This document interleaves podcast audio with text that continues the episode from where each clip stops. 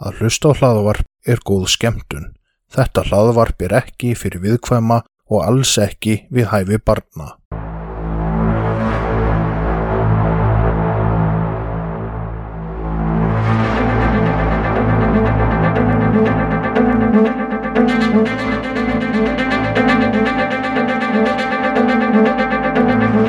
Þetta hlaðvarp er hluti af IK Network. Góða skemmtun. Jæja, hæsa fam, velkomin að viðtækjunum. Betra sent en aldrei og það allt fram eftir gödunum. Sæltelma, Sælbrynjar, gaman að sjá þig. sömu leiðis. Já, velkomin í Studio Sú. Dýrakar stúdíóið. Mér skilst að við búum í dýragarði og séum eitt tíunda frá því að verða full blown circus. Já, það er alveg. Hvað hérna, hvað hefur þú kontributað í sirkus stemminguna hérna síðustu tóta afrýrar? Ekki neitt. Þannig að ukulele spilið þitt er ekkert að kontributa hérna. Nei, það er ekki, ekki fyrir dýragarðinn sko. Nei, sirkusin. Eða sirkúsin minna ég. Nei, nei. Ég sé þetta svona fyrir mér, við fyrir út að lappa með stærstu kaninu á Íslandi og þú spilar svona ukulele og við verðum búið aðleg. Og þú með hundinn og... Já, og risastóra kaninu, ukulele. Ég geti verið með bassan. Já. Oh, er orðið þú synd að segja upp þessu, þessu heimili? Og bara til síslumann sko, sem um skilna. Ok. Herðu, spurning dagsins telma upp á skóstrykkur. klaki.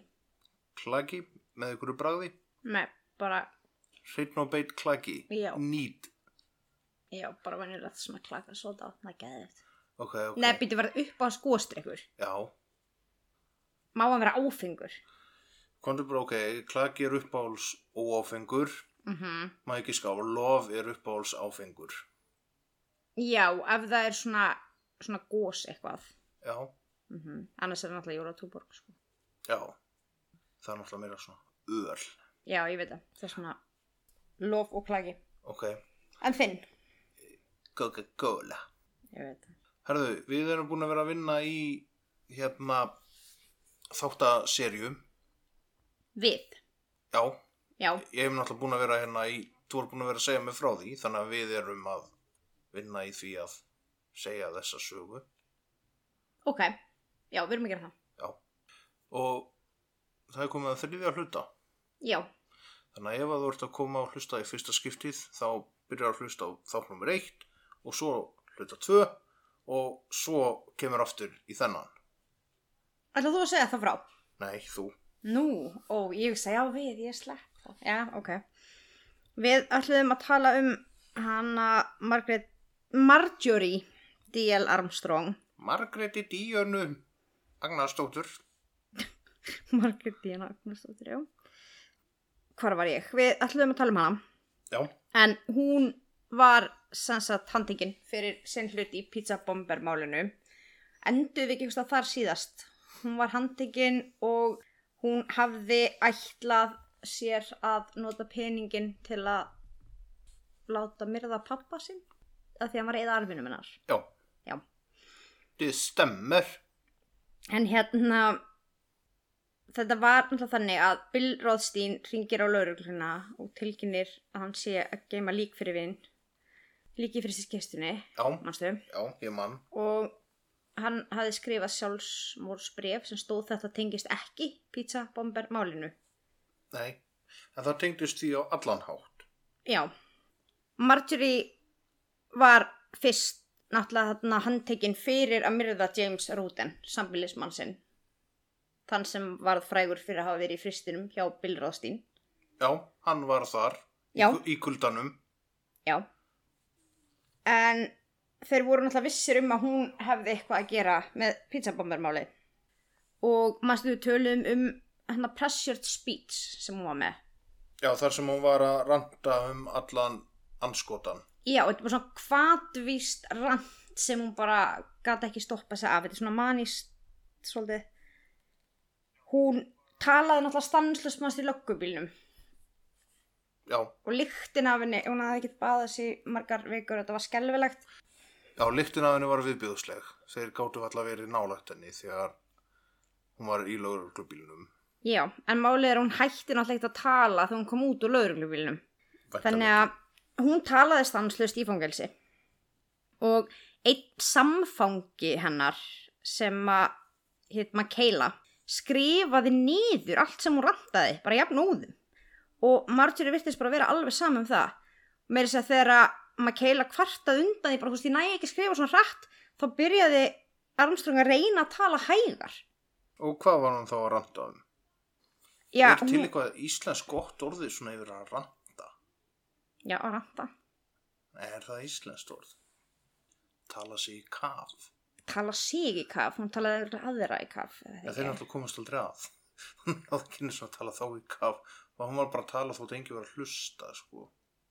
AP, hann talaði mig í kaf. Ha? AP,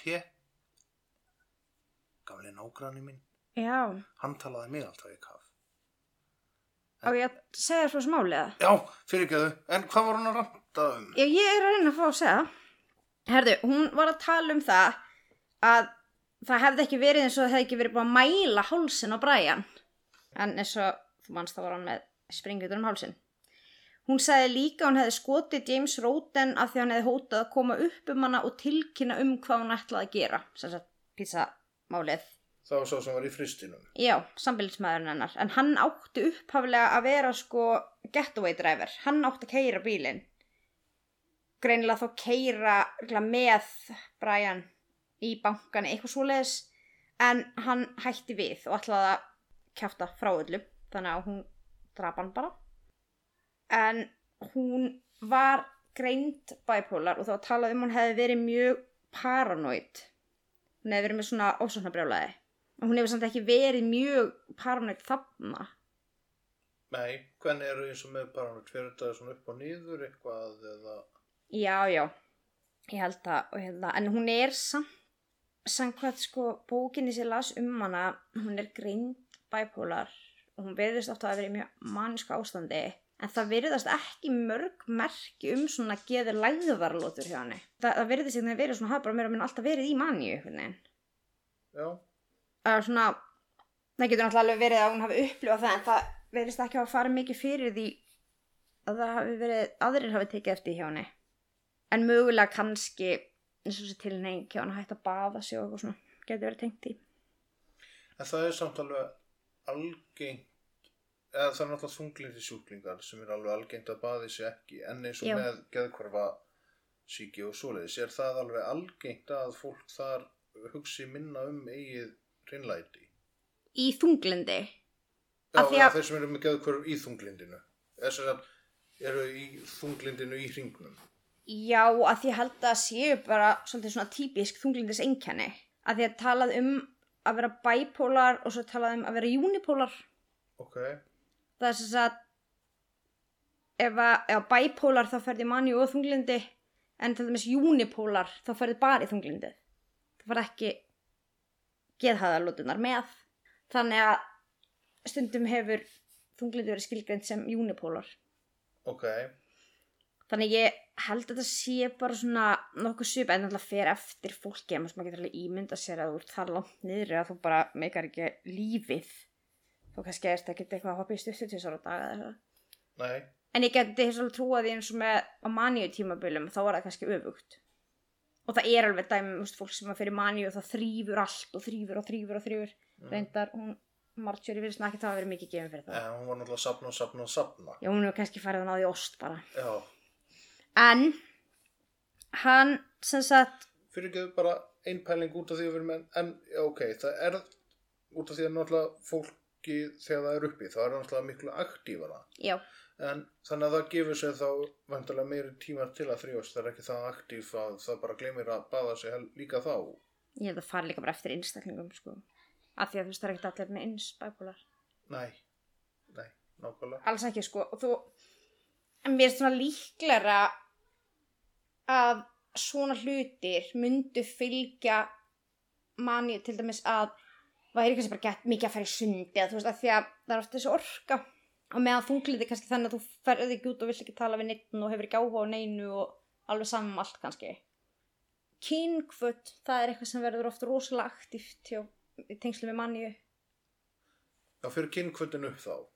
já, mjög oft, þetta er náttúrulega ekki algilt en það er algengt að aukin kynkvöld eigi sér staði manju og sama tíma og þunglindi hefur neikvæð áhrif á kynkvöld og þunglindi hefur neikvæð áhrif á matalist hjá flestum.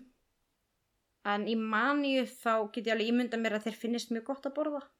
Já, eða þú veist, kannski meira eitthvað svona að fara út að borða, að elda þennan mat og gera þú veist, þetta er svona, þetta er alveg bara sikkur póllin, en svo er þetta svo einstaklingsmyndir líka. Já, hitt náttúrulega bara borðar ekkert, hefur ekki orku í það á eitthvað þannig að enda bara með að bandaði pítsu eða eitthvað, já, og sumir fána heimsend og já, sumir líka bara í þunglindi hafa bara eiginlega enga lista á að borða.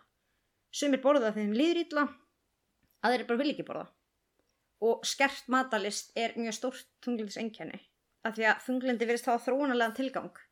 Þess að áður fyrr þegar að maður var þunglindur maður verður þreyttari, maður sefur meira maður gerir minna, maður eða minni orku maður borða minna sem að er rosalega hendugt ef að þú átt lítinn mat þú átt lítinn forða.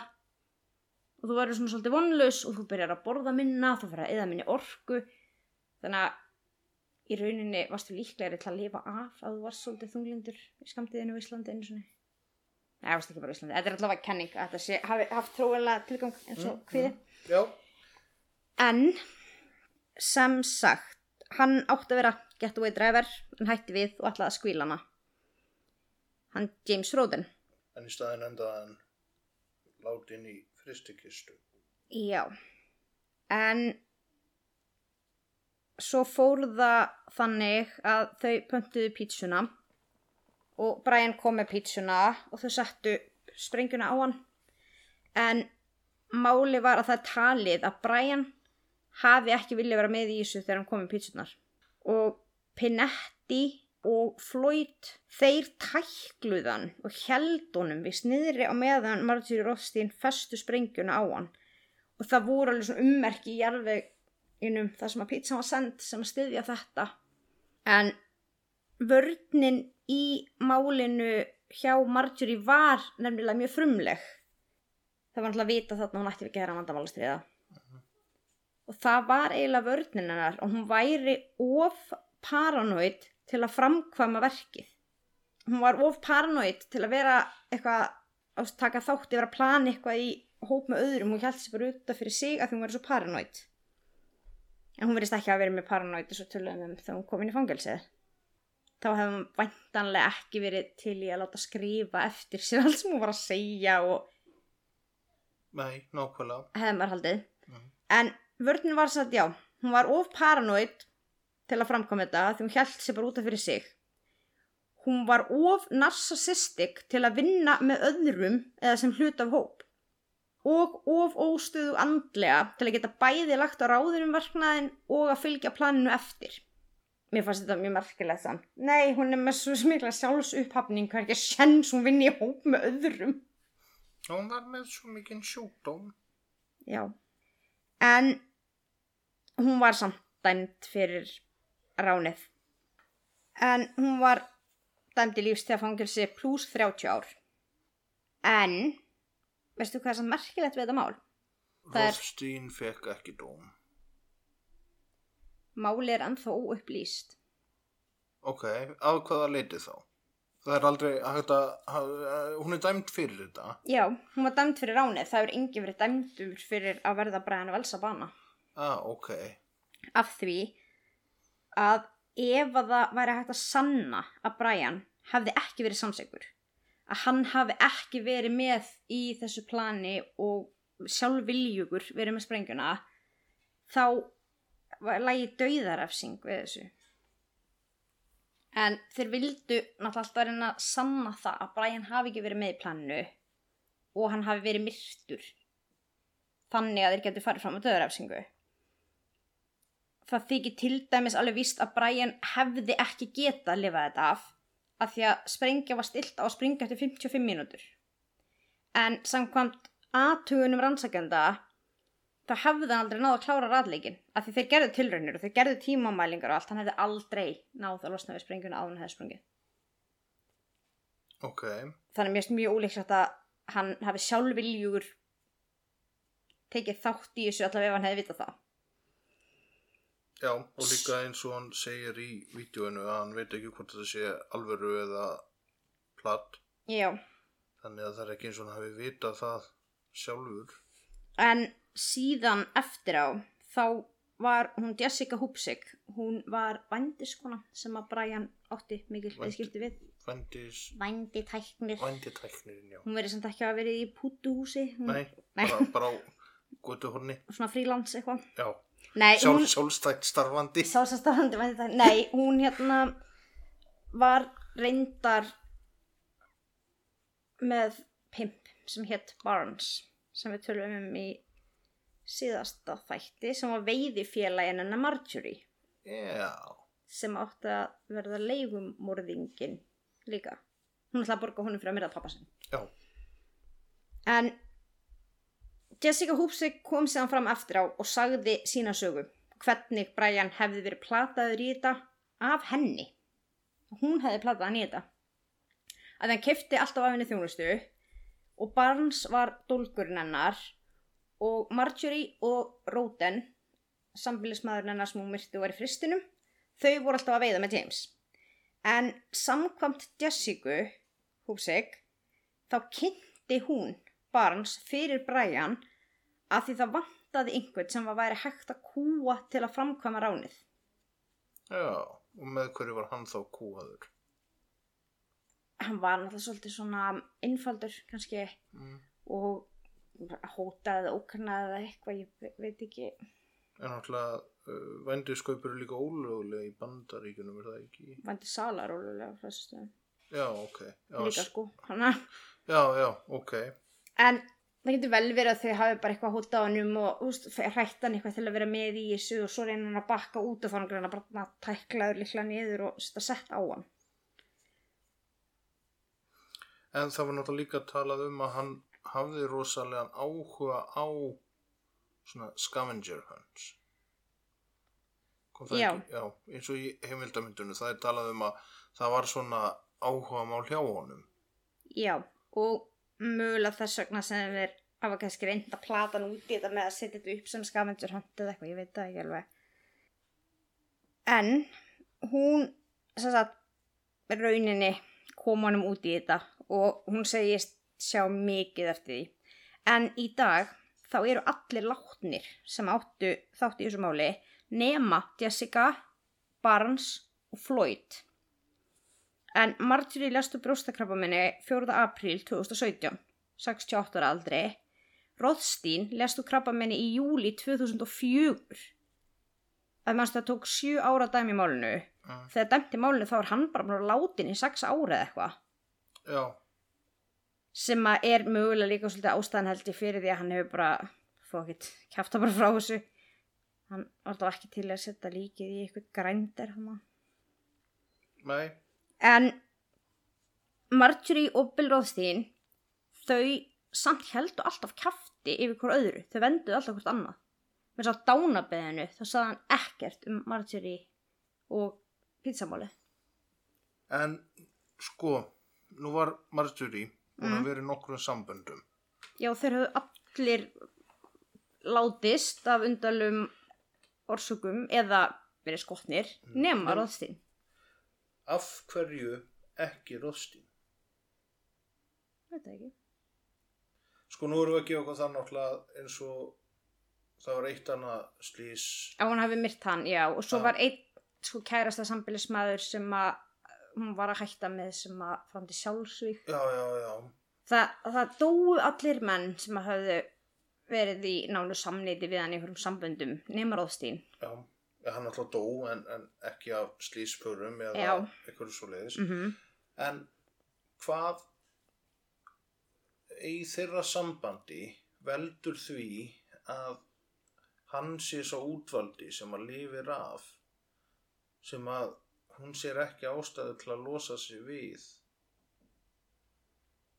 Ég veit ekki, þau virðast hafa átt rosalega dysfunctional samband og hérna þegar að prófælerar gerðu svona prófæl af master, svona höfuðpörtum í málinu þá gerði svona prófæl sál, sálfræði prófæl af honum. Og viðkomandi var þú veist einstaklingur með þetta og þetta og þetta. Prófælið það lísti einstaklingi sem var samblanda af Róðstín og Marjorie. Þau saman pössuðu akkurat í þessa lýsingu Já, en ég veit alltaf hafa ekki bara átt eitthvað svona kombo þú veist þau eða svona, eitthvað svona samband þau að vera eitthvað svona hann greinilega svona já já jú jú hvað bara með líkið setjum þetta hjálpa þér hérna setja í fristikistuna mína. En hún hefur kannski aldrei haft ástæðu til að myrða hann hann hefur greinilega eitthvað svona yin og yang samband, eitthvað svona geta kannski ekki verið saman en heldur ekki sundur, einhvern veginn funkar það sama þótt að þau funkar ekki saman er þetta eitthvað þannig bara? Ég veit verið svona engan hátt að hafa fungera saman sko. Þau verðast hafa geta verið allavega og þau áttu eitthvað greinilega dysfunctional samband saman. En hann sess að vendaði hana og hún Herðu, við erum að taka upp podcast. Eh, kannski ekki alveg strax Herðu eh, ok, bye. Fyrir ekki þetta var mamma. Hvað sá hann, það var ekki Já, hún ætlaði að fara að koma í heimsók Já. hann stoppa bara liðin að koma í heimsók hvað rættir Nei. Æpinni En reynum að klára þetta áður en mamma kemur þá. Já, við skulum fara yfir þetta með við býðum eftir henni. Mm -hmm. sem sagt Bill Rothstein hann lést af náttúrulegum orsökum en Pinetti sem var hinn pizzasandillun staðnum mannstu Já, sem að tók þátt í að takla niður til að setja á springjum á hálsinn á honum. Hann lést þarna af stórum skamti já, eða sjálfsvík það var ein kenning að hann hefði ekki getað lifað með því sem þeir gerðu við Brian. Og hann hafi bara kálað sér. Ein kenning er að hann hafi bara óvart overdosað. Og svo er, hefur líka verið talað um með þess að Marjorie sagði það sjálf að það væri rosa tilviljun að allir sem tengjast þessu máli þeir enda bara allir dánir. Ef og hefði þá á mundi Tvær hendur á hundi. Það er ekkert ef og hefði þeir enduðu dánir. Já, en samt svona út af kenningu út af því að hann hefði ekki getað lifað með á samviskunni að þá hafði hann overdósað og þetta er svona nokkra kenningar og svoleiðis. Já, en þeir sem að lifðu af, það var náttúrulega Jessica Hupsik og það var Barnes. Marjorie reyndi að ráðast að Jessica Hupsik einhvern tímann í fangelsi.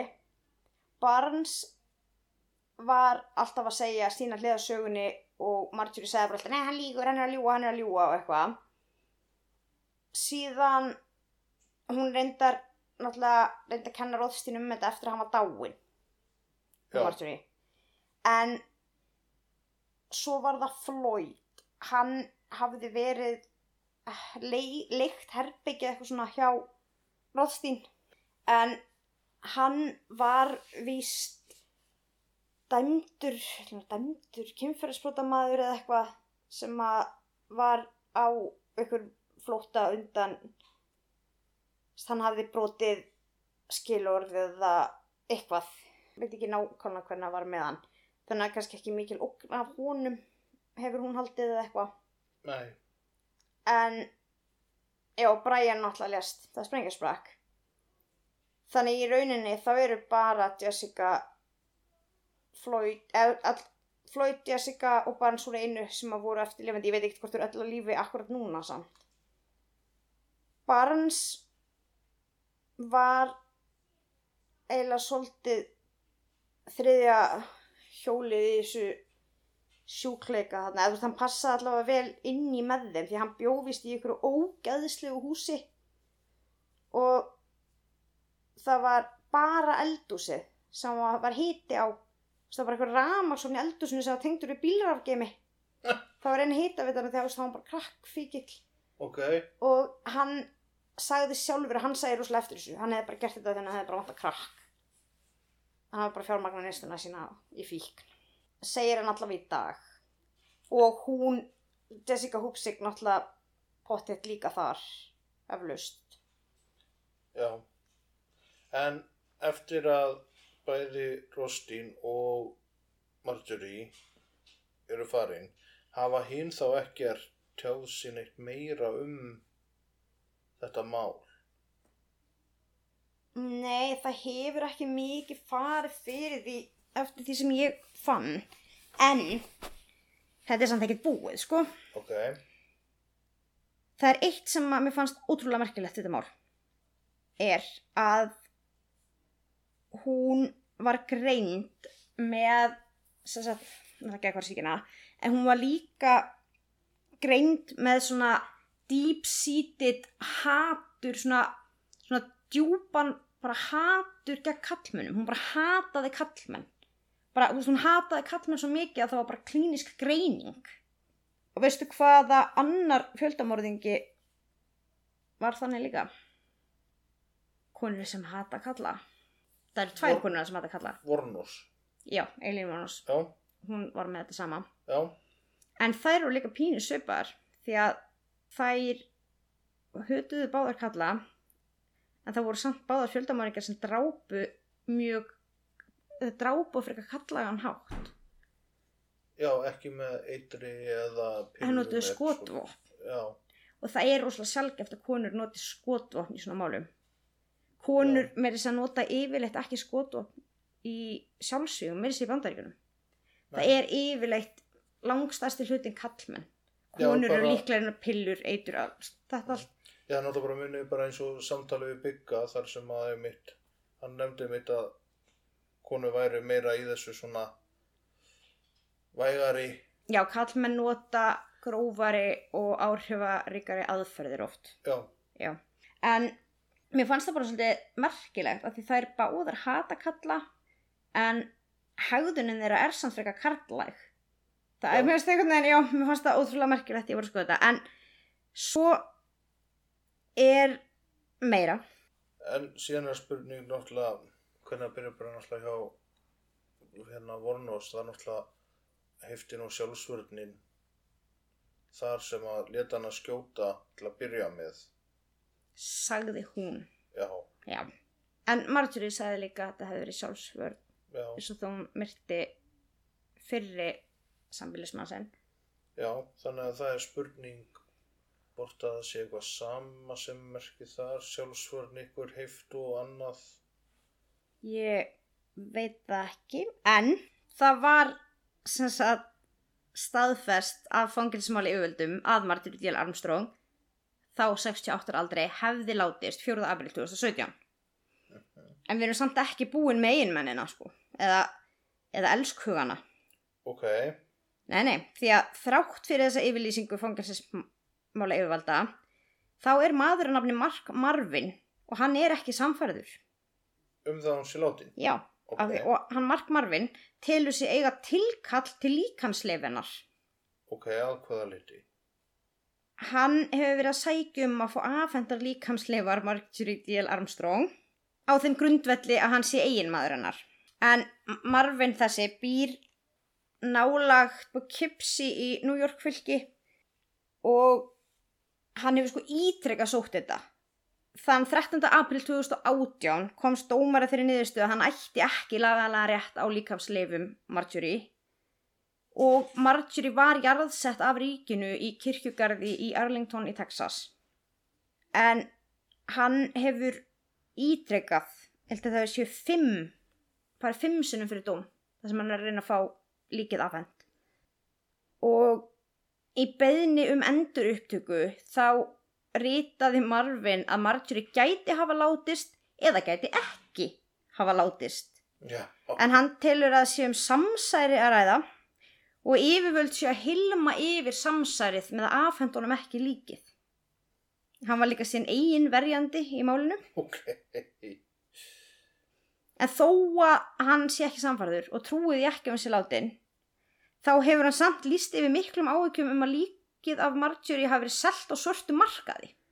En hérna, þetta er ótrúlegt mál, en honum hefur sanns að fimm sinnum verið sinjað og neytaninnar byggja yfirleitt á því að hann gæti ekki sannað að hann væri eiginmaður hennar.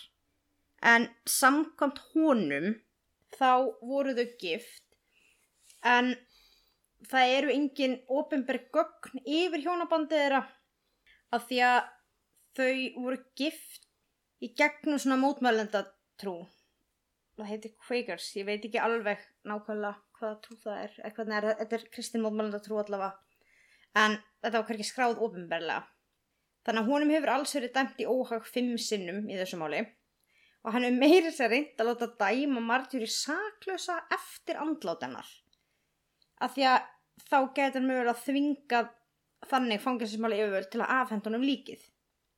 Líkið af konunni sem hann heldur að sé ekki dáinn, sem hann heldur líka að hafa verið seld líkið af að svörtum markaði. sem er eiginkonan samt ekki Hann getur ekki sannaða. nei, En hann vildi láta sko síknana til að fá líkið af því hann telur það sjálfsagðan rétt sinn að eiginkonun hans verði skila til hans og það sem hann ætlar að grafa hana með sínum eigin höndum. Þá finnst honum æskilegast að yfirvöld skiluðu líkamsleifunum á meðan það viðræði vel til þess. já eins og lagi góða segir ekki öll vittlisann eins Líkur sækir líkan, shit sko. Nei, ok, en að, að, þetta er, ok, ég skil alveg ef að, ef að það var eigin maður hannar að hann vilji grafa konuna sína, en þetta er samt svo súrt bara að þetta bæti svona allt eitt sko. ég myndi ekki gera þetta fyrir þig Mér varst ekki líka með eitthvað plan og þegar þú myrðir í mig það verði ekkert lík. Master pappi vill ekki við tölum um þetta Já, pappiðin var búin að banna þér að tala um þetta. Já, þetta fór fyrir brjóstið á honum já. Að því er uppáhalds tengdadóttir hans. uh nákvæmlega hann á samt reynda bara einu en hérna hann hefur sem sagt já ekki fengið þetta fram en þá að mér er vitandi. En það er ekki búið. Er þetta ennþá? já, með önnum málaferli sko. Ok. En sem sagt Harold Díal faðir Marjorie hann lést 95 ára að aldri.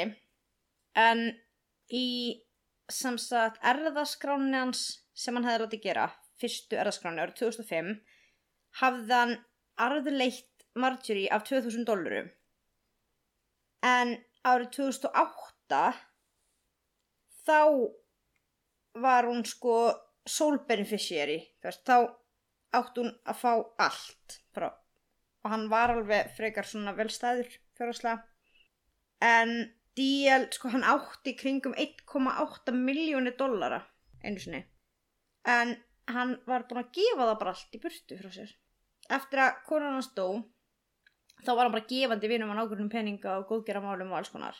Og þetta snýrist fyrir um það því að hún vildi fá arfinn sinn en hann var bara eðunum og hún átti þarna einhverja eigur í einhverju bankahólfi í bankanum sem þau reyndu þannig að hún var svona bíf við bankan að því pappinar hafði komist í bankahólfi og tekið eitthvað verðmætti úr því.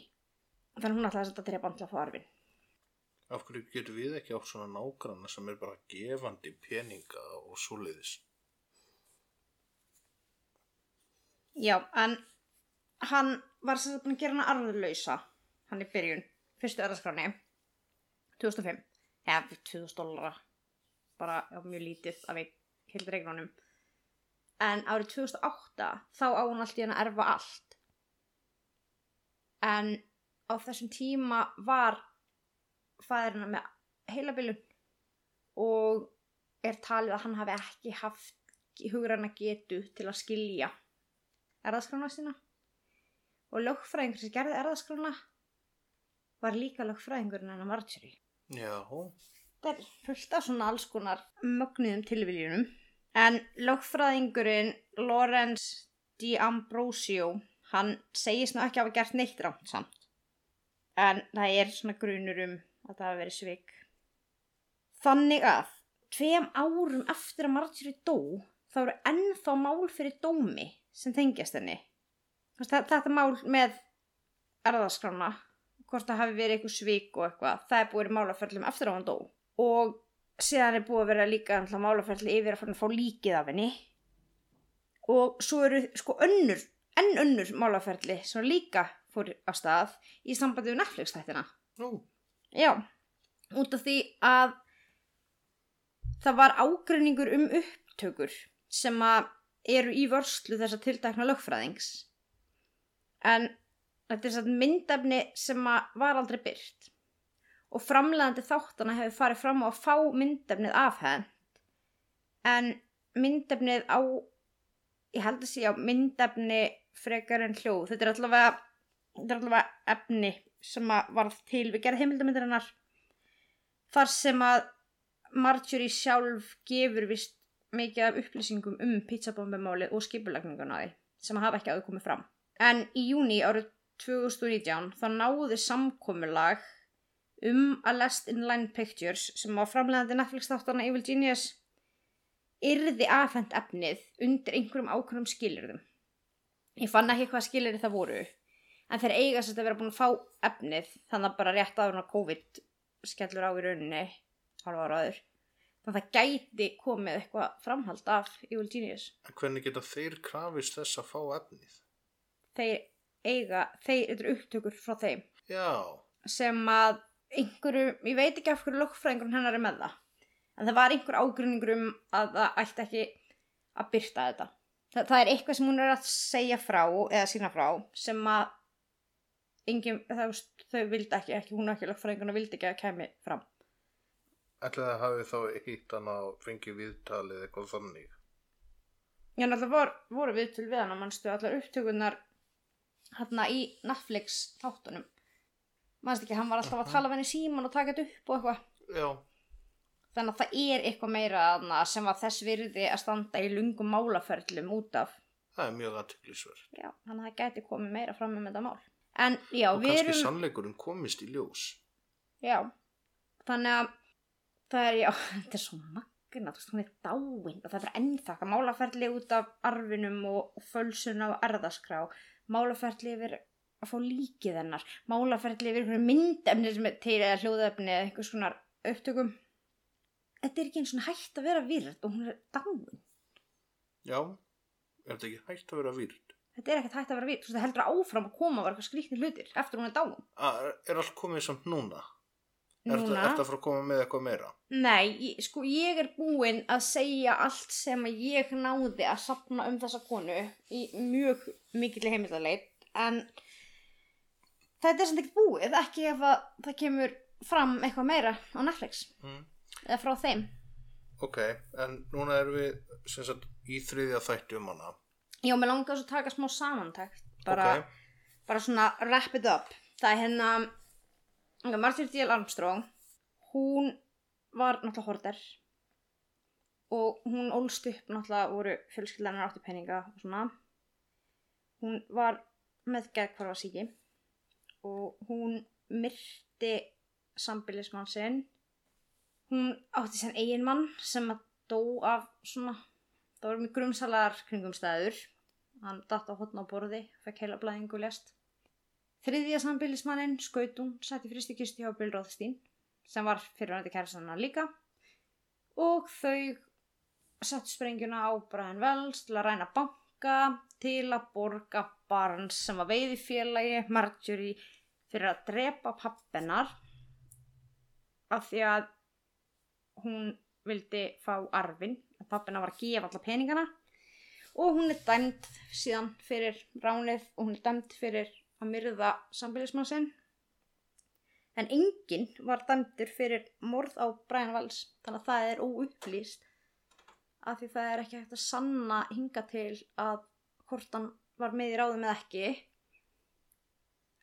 Kannski kemur þeir ljós núna á myndefninu eða þessum upptökum.